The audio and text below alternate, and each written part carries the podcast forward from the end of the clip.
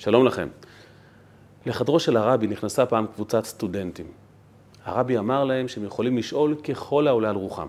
אני עוצר לרגע, ואני חייב לומר לכם שיש לי סנטימנט עמוק לסיפור הזה. יש הרבה סיפורים יפים, מחכימים, נהדרים, מפתיעים. את הסיפור הזה אני אוהב במיוחד כי שמעתי אותו מבן דוד של סבא שלי.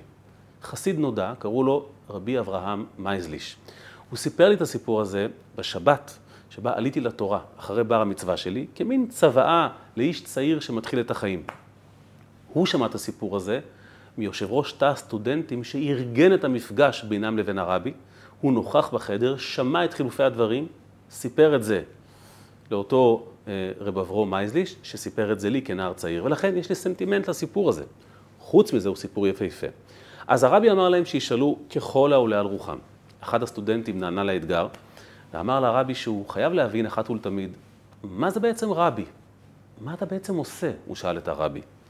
והרבי השיב לו כך, אתה יודע שהרבה מאוד אנשים חופרים בנפש האדם כדי למצוא תשובות לשאלות הגדולות של מה בעצם מניע אותנו, מאיפה מגיעים הדחפים שלנו, וכל החולשות שלנו, והמגבלות שלנו, והתשוקות שלנו.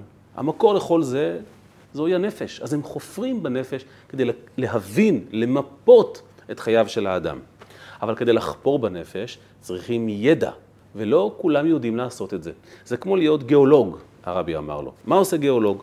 גיאולוג יודע לומר לך, תחפור כאן. הוא מצביע על נקודה סתמית ואומר לך, תחפור כאן, זה ישתלם לך.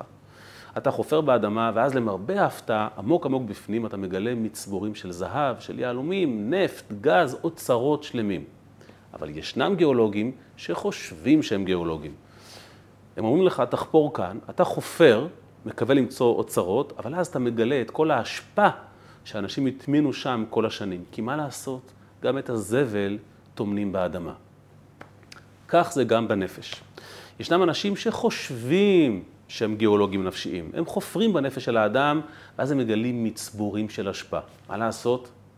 סביב הנפש מצטברים הרבה מאוד מאוד לכלוכים והרבה מאוד אשפה עם חוויות לא כל כך טובות שאנחנו חווים. אז יש אנשים שחושבים שהם גיאולוגים, כמו פרויד, כך אמר לו הרבי, שמגיעים אל ההשפעה, משוכנעים שהם הגיעו אל התשובות, משם הם מפיקים תורות שלמות על ההבנה של נפש האדם. רבי, לעומת זאת, הוא הגיאולוג האמיתי. הוא יודע לא להתרשם מכל ההשפעה הזו, לשים אותה בצד, לחפור הלאה ולא לנוח עד שהוא לא מוצא את היהלום, את הזהב שבכל אחד ובכל אחת. זה סיפור מדהים, אפשר לעצור את השיעור פה, זה פשוט מספיק טוב. אבל בהמשך השיעור נלמד באמת על הטכניקה הזאת של להפוך, להפוך ולמצוא מה שנראה כמו סתם חתיכת אדמה סתמית, ליהלום, לזהב, ונדע לשחזר אותה גם בחיים שלנו. איך רבי עושה את זה? מסתבר שהרבים חלקו איתנו את הנוסחה, איך בדיוק עושים את זה. ובכן, השבוע בפרשה שלנו, בהפטרה יותר נכון, עם ישראל מסרב לקבל נחמה מהקדוש ברוך הוא. לפני כמה ימים נחרב בית המקדש בתשעה באב. מאז הקדוש ברוך הוא מנסה לנחם אותנו. נחמו, נחמו עמי, אומר אלוקיכם, ואנחנו מסרבים לקבל נחמה. ענייה סוערה לא נוחמה. כך פותחת ההפטרה השבוע. איך אפשר לקבל נחמה אחרי שאיבדנו בית? מה יכול לנחם אותנו אחרי אובדן כזה גדול? והקדוש ברוך הוא יוצא מגדרו, ובין היתר הוא אומר השבוע בהפטרה, אני מבטיח, אני מבטיח לכם בני ישראל, ושמתי קדקוד שמשותייך ושערייך לאבני אקדח וכל גבולך לאבני חפץ. מה זה בעצם אומר? אני מבטיח לך, אשתי היקרה, אני, אני אבנה לך את הבית שחרב, והוא יהיה הרבה יותר יפה מאשר זה שהיה קודם. הוא יהיה כל כך יפה ששמתי קדקוד שמשותייך, השמשות של הבית יהיו מאבן קדקוד יפהפייה, והשערים של הבית יהיו מאבני אקדח בוהקים, והגבול, הרצפה שעליה תדרכי, יהיו אבני חפץ מהירים, אל תדאגי. זה נורא מוזר שהקדוש ברוך הוא בוחר להבטיח לנו כל כך הרבה אבנים טובות. ממתי חומר יכול לפצות על נפש פצועה? אנחנו איבדנו בית, אנחנו איבדנו אמון בעצמנו, איבדנו את היקר לנו ביותר. אמר לי פעם פסיכולוג קליני שלאבד בית זה אובדן שני אחרי, השם ישמור, עיבוד בן משפחה קרוב. זה לא משחק. והוא מבטיח לנו מרגליות, אבנים טובות, שרשרת פנינים. לא שזה רע, כולנו רוצים אבנים טובות, אבל איך זה מגיע בהלימה לצער שלנו? מה הסיפור של האבנים הללו? כדי להבין את הקטע של האבנים, צריכים לחזור אחורה, ליעקב אבינו. יעקב אבינו, בדרכו לחרן, כשהוא עוזב את בית אביו ואת הישיבה האהובה שלו של שם ועבר, הוא עוצר בבית אל. שם הוא עומד ללכת לישון, אז הוא לוקח אבנים. ככה התורה מספרת לנו. ויקח מאבני המקום וישם מראשותיו. כמה אבנים הוא לקח? אומר הזוהר דבר מעניין, יעקב אבינו לקח 12 אבנים. מדוע? כולנו מנחשים, בטח איכשהו זה קשור לשבטים. נכון, הוא לקח 12 אבנים כנגד 12 השבטים שעתידים להיוולד לו. מה הקשר? הוא יכל לאסוף עוד המון דברים, 12. אומרת תורת החסידות, יעקב בעצם מגלה לנו את המטרה לשמה הוא עוזב מקום נחשק כל כך כמו בית יצחק וישיבת שם ועבר, ויורד למעמקי חרן, למקום של טומאה, למקום של קליפה. יעקב אבינו הוא בעצם אומר לנו, התפקיד שלי הוא לקחת אבנים סתמיות ולהפוך אותם לאבני חן. לקחת צלעים רגילים ולהפוך, ולהפוך אותם לאבנים טובות. זו המשימה שלי, וזה משהו שאני לא יכול לעשות בישיבה שבה למדתי. אני מוכרח לרדת למטה, לחרן, כמו אדם שיורד למעבה האדמה בעקבות הוראות של גיאולוג, כי עמוק בתוך האדמה הסתמית מסתתרים היהלומים, מסתתר הזהב. אז אני הולך להפוך אבנים פשוטות לאבנים טובות. והוא מצליח, יעקב אבינו מצליח, משום שה-12 אבנים שהוא אסף עתידים להפוך ל-12 אבני החושן. על חזהו של הכהן הגדול היה החושן, האורים והתומים, ועליו 12 אבנים בוהקות, ססגוניות, שכל אבן ייצגה את אחד השבטים. זה עבד, זה הצליח לנו. אבל איך באמת הופכים אבן סתמית לאבן חן? אומרת תורת החסידות, כל גוף הוא כמו אבן, משום שהוא הגיע מהמקום שממנו מגיעים האבנים, מגיעות האבנים, האדמה. הגוף הגיע מהעפר. זו הסיבה שהאבן הוא כמו, כמו אב, הוא, הגוף נראה כמו אבן שאין לה הופכין. הוא מלא מגבלות, הוא מלא חולשות. נכון שהוא באמת פלאי בתור יצירה, בתור מכונה, אבל ביחס לרוח האנושית, לשאיפות, לרצון להיות שלמים, מאירים, להצדיק את הקיום שלנו, הגוף לא עוזר לנו. הוא תמיד מוגבל, הוא תמיד חסר, הוא תמיד עצוב, הוא תמיד נרגן, הוא רוצה כבוד, ויש לו גם הרבה מאוד מצבורים של השפעה ודחפים מביכים שלא היינו רוצים לשתף את הסביבה שלנו. אבל עמוק בתוך הגוף הזה, כמו עמוק בתוך האדמה, מסתתרים יהלומים, או ליתר דיוק, מסתתר יהלום אחד ענקי וקוראים לו הנשמה. העבודה שלנו היא לחפור עמוק עמוק פנימה, אל תוך חרן, אל תוך המכרה הזה, ולגלות בעצם על מה הגוף שלנו מחפה. וכשמגלים את האבן הזו, היא מאירה בכזו בוהק.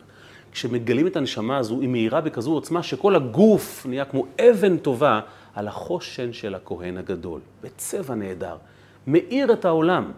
זה נהיה אורים ותומים לאדם. פתאום הכל מובן לו. הוא לא עוצר בשכבות של האשפה שמצטברות, בדחפים ובשטויות. הוא מבין שזה תוצאה של דברים צדדיים.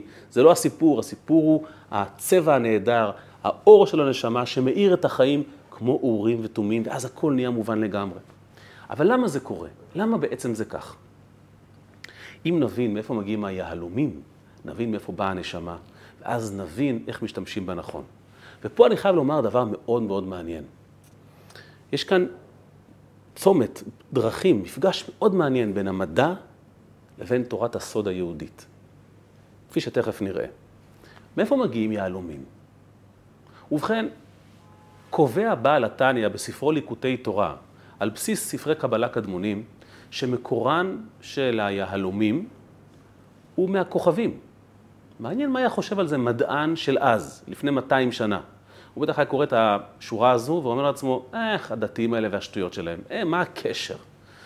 ובעל התניא עוד אפילו כותב דבר עוד יותר מדהים. הוא כותב, תראו, המקור של היהלומים שנמצאים במעבה האדמה, לא על פני האדמה, בתוך האדמה, הוא מהכוכבים, ולא הכוכבים הקרובים, ככה הוא כותב.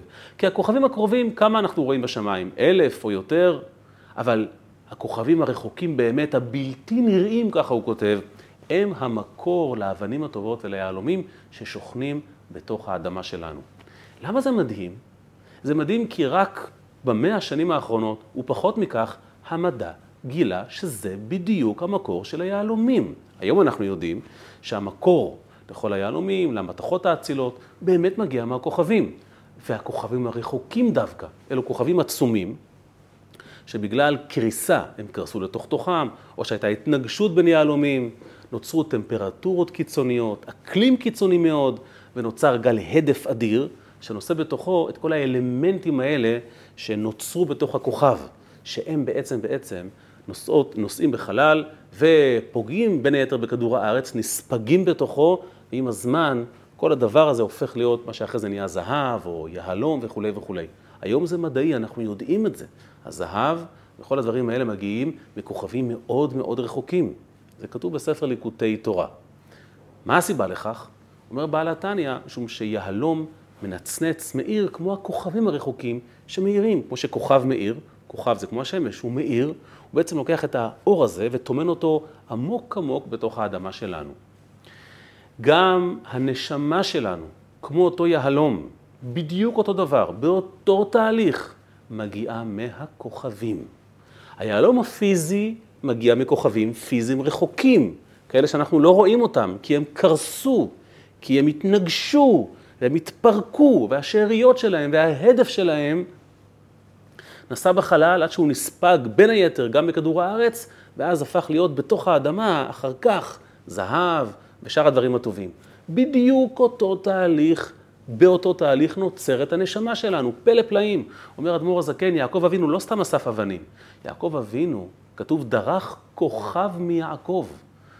הכוכבים, שזה בשפה הרוחנית, הקבלית, דרגות מאוד מאוד מאוד גבוהות באלוקות, עולמות מאוד רחוקים, בלתי נראים, בלתי מושגים, הוא המקור לנשמות שלנו שירדו לעולם ונפלו עד למטה מטה.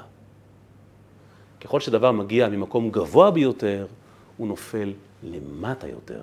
ולכן הנשמה שלנו נפלה מהכוכבים הרחוקים, מדרגות גבוהות שנקראות עולם הכתר ולמעלה מכך, ירדו וירדו וירדו וירדו עד שנספגו עמוק בתוך האדמה, בתוך הגוף האנושי, כמו הזהב, כמו היהלום הפיזי. פלא פלאים. עכשיו המשימה שלנו היא לחפור ולהוציא החוצה את אותם אבנים ולגלות אותם ולחשוף אותם. איך אנחנו עושים את זה? אומר הקדוש ברוך הוא, ושמתי קדקוד שמשותייך. אתה תאיר כמו שמש, את תאירי כמו שמש. אני יודע שעכשיו את, אנחנו מרגישים כמו, כמו סלע סתמי, כמו אבן אפורה, חסרת כל ייחוד, אבל תראי, החורבן הזה שאני עשיתי לא היה כדי להכאיב, הוא היה כדי לחשוף, כדי לגלות מה יש מאחורי, מתחת. כשאני פוצע את האדמה, אני לא עושה את זה כדי להכאיב לאדמה, אני עושה את זה כדי לגלות את היהלום שבתוך תוכה. ושמתי קדקוד שמשותייך. אנחנו, בני ישראל, נעיר כמו שמשות זוהרות, בגלל שהמקור של נשמותינו הוא מאותן שמשות רחוקות וזוהרות. לא סתם הקדוש ברוך הוא אמר לאברהם אבינו, אני אקח אותך אל מעבר לשמיים, אל מעבר לשמיים, ואני אראה לך את הכוכבים, ספרת אותם, ראית אותם, כה יהיה זרעך. למה הוא מעלה אותו כל, כל, כל, כל כך גבוה? כי הוא רוצה לומר לו, בניך יש בהם יהלומים, יהלומים נוצרים בתוך האדמה. כדי לגלות אותם נצטרך קצת לחפור, קצת להחריב פה ושם, אבל בעצם המטרה היא ליצור מכרה, מכרה אדיר של אור מנצנץ. לכן אומר הקדוש ברוך הוא, ושמתי קדקוד שמשותייך. מה זה קדקוד? זה נשמע כמו שם של אבן טובה. מסתבר שיש מחלוקת לגבי הזהות של האבן הזו.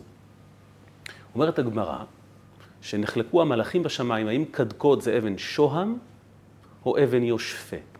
אבן השוהם בחושן היא אבנו של יוסף הצדיק. אבן יושפה היא אבנו של בנימין. מה הסיפור?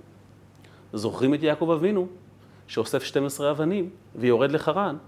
יעקב אבינו רצה את רחל בעיקר. רחל ילדה לו שני ילדים, יוסף, אבן השוהם, ובנימין, אבן היושפה. יוסף ובנימין מסמנים את עיקרי העבודה של יהודי. יוסף הצדיק הוא אחד כזה, הוא נקרא צדיק עליון. לאיפה שהוא לא מגיע, הוא מביא איתו אור, הוא לא סופר אף אחד ממטר, הוא מכלכל, הוא משפיע, הוא המשביר בר, כמו אבן השוהם. שוהם, כתוב שזה מלשון אה, הערה והשפעה, צדיק מלמעלה למטה. הערה אלוקית שבאה לעיתים, אתה קם בבוקר עם איזה צליל מנדולינה בלב, ואתה מרגיש שאתה יכול לעשות הכל. יש בקרים כאלה. אבל בנימין, אבי אבן היושפה, הוא נקרא צדיק תחתון. הוא, הוא, הוא נטמע, הוא לא מגיע ופורס חסות ונהיה משנה למלך מצרים, הוא מה שנקרא הולך לצד משם מנסה להתעלות. זה לא קל בכלל, הוא נופל למטה למטה, ואז הוא מנסה להרים מלמטה את כל העסק. זו הסיבה שכתוב שרחל נורא נורא התקשתה ללדת אותו, ותקש בלידתה. מדוע? כי הוא לא רוצה לצאת. יוסף הצדיק יוצא בכיף, איפה שהוא לא הולך הוא מלך.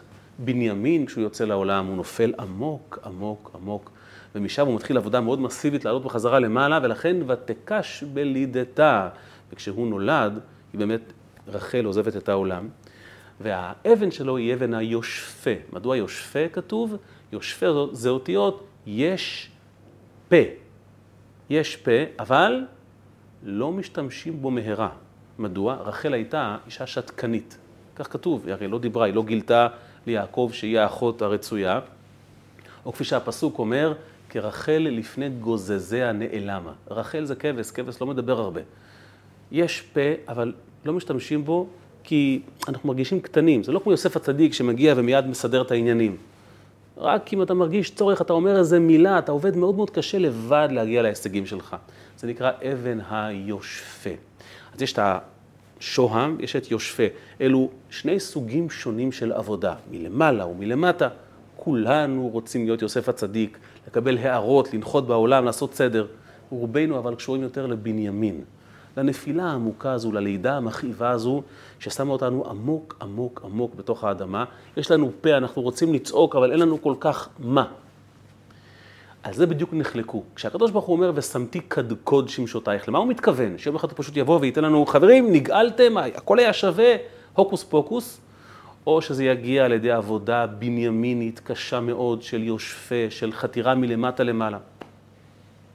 נחלקו, שוהם או יושפה. בא הקדוש ברוך הוא ואומר, שניכם צודקים. המילה קדקוד, כך אומרת הגמרא, אנחנו מפרקים אותה למילים הארמיות להווי כדין וכדין, או יותר נכון, כדן וכדן, כמוכם וכמוכם. גם אתם צודקים, גם אתם צודקים. בני ישראל יקבלו את כל המעלות. הם אמנם כמו בנימין, רובם יהיו כמו בנימין, יעבדו מלמטה, בן אוני, בן אוני בנימין, היא קראה לו כי משום בן אוני, בן צערי, יעבדו בצער גדול, לחפור מלמטה את, את, את הדרך החוצה, עבודה קשה, אבל בשנייה שהם יגיעו אל פני הקרקע, אני ארעיף עליהם ויוסיף עליהם את כל השוהם שלי, את כל ההערה שלי, הם ירוויחו את שתי המעלות הגדולות, כי לכל צדיק יש סגולה נפלאה, גם וגם יהיה להם מהכל. לכן הוא אומר, ושמתי קדקוד שמשותייך. אם יורדים עמוק יותר אל תוך הסוד, כתוב בספרי החסידות שהמילה קדקוד זה בעצם קד וקד, 24 ועוד 24. אנחנו יודעים שהעולם שלנו כולו בנוי על צירופי שמות קדושים של הקדוש ברוך הוא. אחד מהצירופים, אם לוקחים את השם אדנות, א', ד', נ' וי', אז כתוב שבשם אדנות ישנם 24 צירופים. מדוע? יש לנו ארבע אותיות, כל אות אפשר לצרף שש פעמים, אז בסך הכל ביחד, כשאתה עושה את ה-4 כפול 6, זה 24. אלו 24 של וריאציות שאפשר לכתוב את שם אדנות, וזה המקור ל-24 השעות שיש לנו ביממה. במילים אחרות, המילה כד מסמלת את 24 השעות שיהודי נדרש לעבוד את הקדוש ברוך הוא ב-24 וריאציות שונות. זו הסיבה, דרך אגב, אם נפתח את מגילת איכה, הפסוק אומר, איכה ישבה בדד העיר רבתי עם. על המילה העיר, אומר המדרש, אתה יודע כמה הייתה גדולה ירושלים? היו שם 24 שווקים, ובכל שוק 24 חצרות, ובכל חצר 24 משפחות, ובכל משפחה 24 בתים, ככה מונים המון המון 24, ובכל בית אלפי אנשים. 24, 24, 24. למה? 24 מייצג את הצירוף של העבודה של יהודי. 24 שעות עובדים את הקדוש ברוך הוא עד כמה שניתן. וזו הסיבה שהמשפט ברוך שם כבוד מלכותו לעולם ועד, כתוב שם שיש שם 24 אותיות. כי זו העבודה של יהודי בעיקר, העבודה של בנימין מלמטה. ברוך שם כבוד מלכותו לעולם ועד. ואתה אומר את זה פעמיים ביום, בשחרית ובערבית, פעמיים קריאת שמע בכל יום. כ"ד אותיות של ברוך שם בבוקר, וכ"ד בערב, אז זה נקרא קדקוד. העבודה של יהודי, 24 ועוד 24. להכניס ב-24 שעות כל 24 הצירופים, את 24 הכוחות שלך. וכשאתה תעשה את שלך, הקדוש ברוך הוא יעשה את שלו ויביא אליך אל שכר וגילוי מעבר למה שציפית, אל המקור הקדום שממנו הגיעה ונפלה הנשמה שלך. זה הכוונה, ושמתי קדקוד שמשותייך. אז בעצם, מה יש לנו כאן? יעקב אבינו לקח אבנים והפך אותם לאבנים טובות. ואנחנו, בני יעקב אבינו, חוזרים בדיוק על אותו תהליך. אנחנו לוקחים את הגוף שלנו, ואנחנו חופרים אל תוך תוכו, באמצעות החוויות של החיים שלנו. 24 שעות, כד שעות, אנחנו עסוקים בשאלה למה באנו לעולם, מי אנחנו, מחפשים משמעות. אומרת לך התורה, ושמתי קדקוד. תזכור, הגוף שלך יכול להפוך לאבן מהירה בחושן. דרך אגב, בסוגריים אני אומר לכם שכתוב, המילה חושן, כשאתה הופך את האותיות זה נחש. הגוף נקרא בספר הזוהר אור הנחש. למה? כי אחרי חטא עץ הגוף ירד מהמדרגה שלו. לפני חטא עץ לפני שהנחש הכשיל אותנו, הגוף היה מאיר. כתוב שהוא היה כמו אור, היה לנו לבושים של אור באלף. אחרי חטא עץ הגוף נהיה מה שאנחנו מכירים היום. לכן הכינוי של הגוף בפי הקבלה הוא אור הנחש. ולכן החושן זה אותיות נחש. לוקחים את אור הנחש, שהוא כזה מבאס, והופכים אותו לאורים ולתומים, לאבנים טובות, על ידי העבודה של כ"ד שעות שעובדים בברוך שם כבוד מלכותו לעולם ועד, גם בוקר וגם ערב, קדקוד שמשותייך, אתה תאיר כמו שמש. עם, לא רק שמש אחת, עם שתי שמשות, שמשו של יוסף ושמשו של בנימין, על ידי העבודה מלמטה, כשהקדוש ברוך הוא ישלים אותה מלמעלה. זה המשמעות של כ"ד. וזו הנוסחה שלנו להפוך את החיים, להפוך את הגוף, את אור הנחש לחושן. אגב, נחש וחושן בגימטריה המשיח, כי זה בדיוק הפואנטה של משיח. לגלות, כמו יעקב אבינו, את האבן ולהפוך אותה לאבן מהירה. לכן הקדוש ברוך הוא הבטיח שיבוא יום, והסירותי את לב האבן. אני יודע שהלב שלך הוא כמו אבן. כל כך היית רוצה להיות מלא באהבת השם ויראת השם, ברצון לאהבת ישראל, לעשות טוב, אבל אתה תקוע עם אבן בתוך הלב, מה שנקרא אבן בכליות. לא כי אתה אשם, כי זה נפל עמוק לתוך העולם הזה, לתוך המכרה הזה. והסירותי את והסירותי את לב האבן. ולכן ההמשך של הפסוק, אחרי ושמתי קדקוד שמשותייך ושערייך לאבני אקדח. מה זה שערייך? אנחנו יודעים שיש בעולם נון שערי בינה. 50 שערי בינה, זו הדרגה הגבוהה ביותר שאפשר להשיג. אומר הקדוש ברוך הוא, שערייך, הלב שלך, שהיה אבן, כי בינה היא בלב, בינת הלב, הלב מבין. הלב שלך, שנראה כמו אבן, על ידי העבודה 24 שעות של יהודי, כי הרי אין רגע אחד שההלכה מניחה לנו. גם לישון, ההלכה אומרת לנו איך לישון. על ידי העבודה של 24 שעות של קדקוד שמשותייך, אתה תראה, את תראי, שערייך יהיו לאבני אקדח. מה זה אבני אקדח? למה לאקדח קוראים אקדח? כי הוא קודח. אחרי שיורים, הוא חם, הוא מעלה עשן. אבני אקדח הכוונה, אבן שהיא לא רק מהירה, היא לוהטת. הלב שלך, שהיה אטום ועסוק בעצמו, ומלא דברים מביכים, יהפוך להיות אבן אקדח, קודח מחום אהבת השם, בלהט, באש בוערת כלפי הקדוש ברוך הוא. אני מבטיח, זה לא סתם שאני מבטיח לך שרשרת, אבן טובה תמורת חורבן הבית. בית מסמל חום, אמפתיה. אני מבטיח לכם, בני ישראל, שבעקבות החורבן תתגלה כזו אהבה בינינו, כמו אקדח מעשן. להבה כל שערייך. כתוב נודע בשערים בעלה. אני בעלך, אני אגיע בשערים, אני אעמוד בשער ואת תראי את האהבה האדירה שיש לי, ותמורת האהבה שלי את תקדחי בלהט של אש אהבה. ולמה? כי כל גבולך לאבני חפץ. אתם, המטרה לשמה בראתי את העולם, אתם אבני החפץ שלי. בכם, בכם רציתי מכל העמים, אני לא יכול לפגוע בכם. כל מאורע כזה רק נועד לחשוף את האור ואת האהבה ביניהם. זו הסיבה שהקדוש ברוך הוא מבטיח אבנים, הוא מדבר בעצם עלינו, על האישיות שלנו. דרך אגב, מסופר, שמעתי את זה מפיו עצמו, יוסף גוטניק, הפילנטרופ האוסטרלי המפורסם, מספר שהוא נכנס לחדרו של הרבי. זה היה בשנת 1988, אחרי הסתלקותה של הרבנית חיה מושקה, אבל לא לחדרו במשרד, אלא באופן חריג ומיוחד, בביתו הפרטי של הרבי, שם הוא ישב שבעה. הוא נכנס לחדרו של הרבי, בקומה השנייה, בחדר המגורים, מקום שכנראה 99 אחוז מהחסידים, מהמעריצים, מעולם לא זכו להגיע, והוא נקרא לשם בפתע פתאום. הוא ראה את הרבי יושב ולומד, זה היה מראה ככה מאוד מיוחד, מאוד נדיר. אז הרבי אמר לו, שלום עליכם. ואז הרבי אמר לו, כך הוא מספר, הגיע הזמן שלחב"ד, ללובביץ', יהיה גביר משלה, יהיה איש עשיר משלה. הוא נדהם. אז במשך תשע דקות הרבי הנחה אותו מה עליו לעשות. הוא כמובן בעקבות כך עשה מה שעשה, מצא מכרה זהב ונהיה היהודי העשיר באוסטרליה לתקופה מאוד ארוכה. הגיע הזמן שאנחנו נלמד לכרות בעצמנו, להביט על עצמנו בעין שהקדוש ברוך הוא מביט עלינו. לא להתייחס לזבל הזה שרובץ בנו. בואו לא נהיה גיאולוגים כמו פרויד. בואו נהיה גיאולוגים כמו שהרבי מחנך אותנו. נתחיל בכך שנביט על היהודי השני בצורה הזו. כשנראה יהודי אחר, נביט עליו כעל קדקוד. זה יהודי ש-24 שעות מחויב לצו האלוקי של אנוכי השם אלוקיך.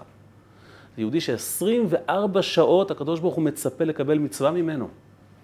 זה יהודי שהלב שלו הוא אבן אקדח, הוא קודח מרצון לאהבת השם. כל יתר הדחפים זה תוצאה של קהות חושים, של גלות נוראה, של השפעה מצטברת. זה לא הדבר האמיתי. כשנביט ככה על יהודי אחר, נגלה את זה גם בתוך תוכנו, כי זה יקרין גם עלינו. כמו שאצל יעקב אבינו דרך כוכב מיעקב, הוא הגיע מהכוכבים. ולכן הוא ידע שאבנים אפשר להפוך לאבני חן. אנחנו נעבור בדיוק את אותו תהליך כשנשכיל להביט כך ולהבין שכך זה עובד. וזו הסיבה שהמילה אבן, כך כתוב בקבלה, היא בנויה בעצם מהצירופים של א' ובן. בעולם הקבלי המילה בן, שהיא בגימטריה בהמה, מייצגת את הבהמיות, את ההסתרה, את הנחיתות. בן, כך קוראים לזה. אז למה קוראים לה אבן? איך זה נהיה אבן? כתוב שהאלף של האבן נלקחה מהאדם. בעצם זה היה אדם, הוא הפך להיות אבן. לפני חטא הצדת, לפני שהנחש טימא אותנו והכשיל אותנו, היינו, אנשים מאירים, אדם. אבל אז, אחרי החטא, הלב הפך להיות אבן. אז מאדם הפכנו לאבן, או אבן, אם תרצו, קצת חשים כמו בהמה. מונעים מאינסטינקטים, מונעים מדחפים, זה ממש מביך. ומה המשימה שלנו? להפוך את האבן לאדם. כי האלף לא השתנתה, היא נשארה במקומה. הקדוש ברוך הוא אלוקים, שמשתקף דרך הנשמה שלנו, עדיין נמצא בתוך הבן, נמצא בתוך הבהמיות שלנו, נמצא בתוך המהות שלנו. הוא רק מחכה שנחפור ונגלה אותו, שנאמין בזה, שנראה את האור הזה. כשהדבר הזה יקרה, נקבל נחמה. אותך אני רוצה, אמר הקדוש ברוך הוא, את גבולי חפץ, את אבני חפץ. בראתי את הכל כדי בסוף שאת תהיי, תבקעי את הגבול כשתביני שאני רוצה אותך ולא שום דבר אחר. הקדוש ברוך הוא יעזור, נתחיל להאמין בזה באמת ביחס לעצמנו. אז אם אתם חשים איזה מועקה לבבית, איזה לחץ, מציק לכם, האישיות שלכם, חוויות שחוויתם, תמיד תזכרו, זה מצבור היהלומים בתוככם שרוצה לבקוע החוצה. זה הקדקוד שרוצה לפרוץ ולהאיר כמו שמש. זה הנשמה שלכם שזועקת. אם רק תדעו להקשיב לה, וקודם כל לדעת שזה שם, השלווה הזו שנופלת עלינו היא כבר מבוא להתקדם נכון בחיים, ליישם את מה שהקדוש ברוך הוא רוצה. אנחנו יודעים היום שסטרס ולחץ ואי אמון עצמי גורם להרבה מאוד משברים. והתשובה היא לא אצל פרויד, התשובה היא אצל הקדוש ברוך הוא, התשובה היא בתורה הקדושה. התשובה היא בכם, ביהלום המאיר, באבן החן שנמצאת בכל אחת ואחת מכן. שיהיה לכם בהצלחה עם מציאת הרבה מאוד יהלומים בכם ובסובבים אתכם, וגם, וגם בחשבון הבנק לא יזיק. בהצלחה.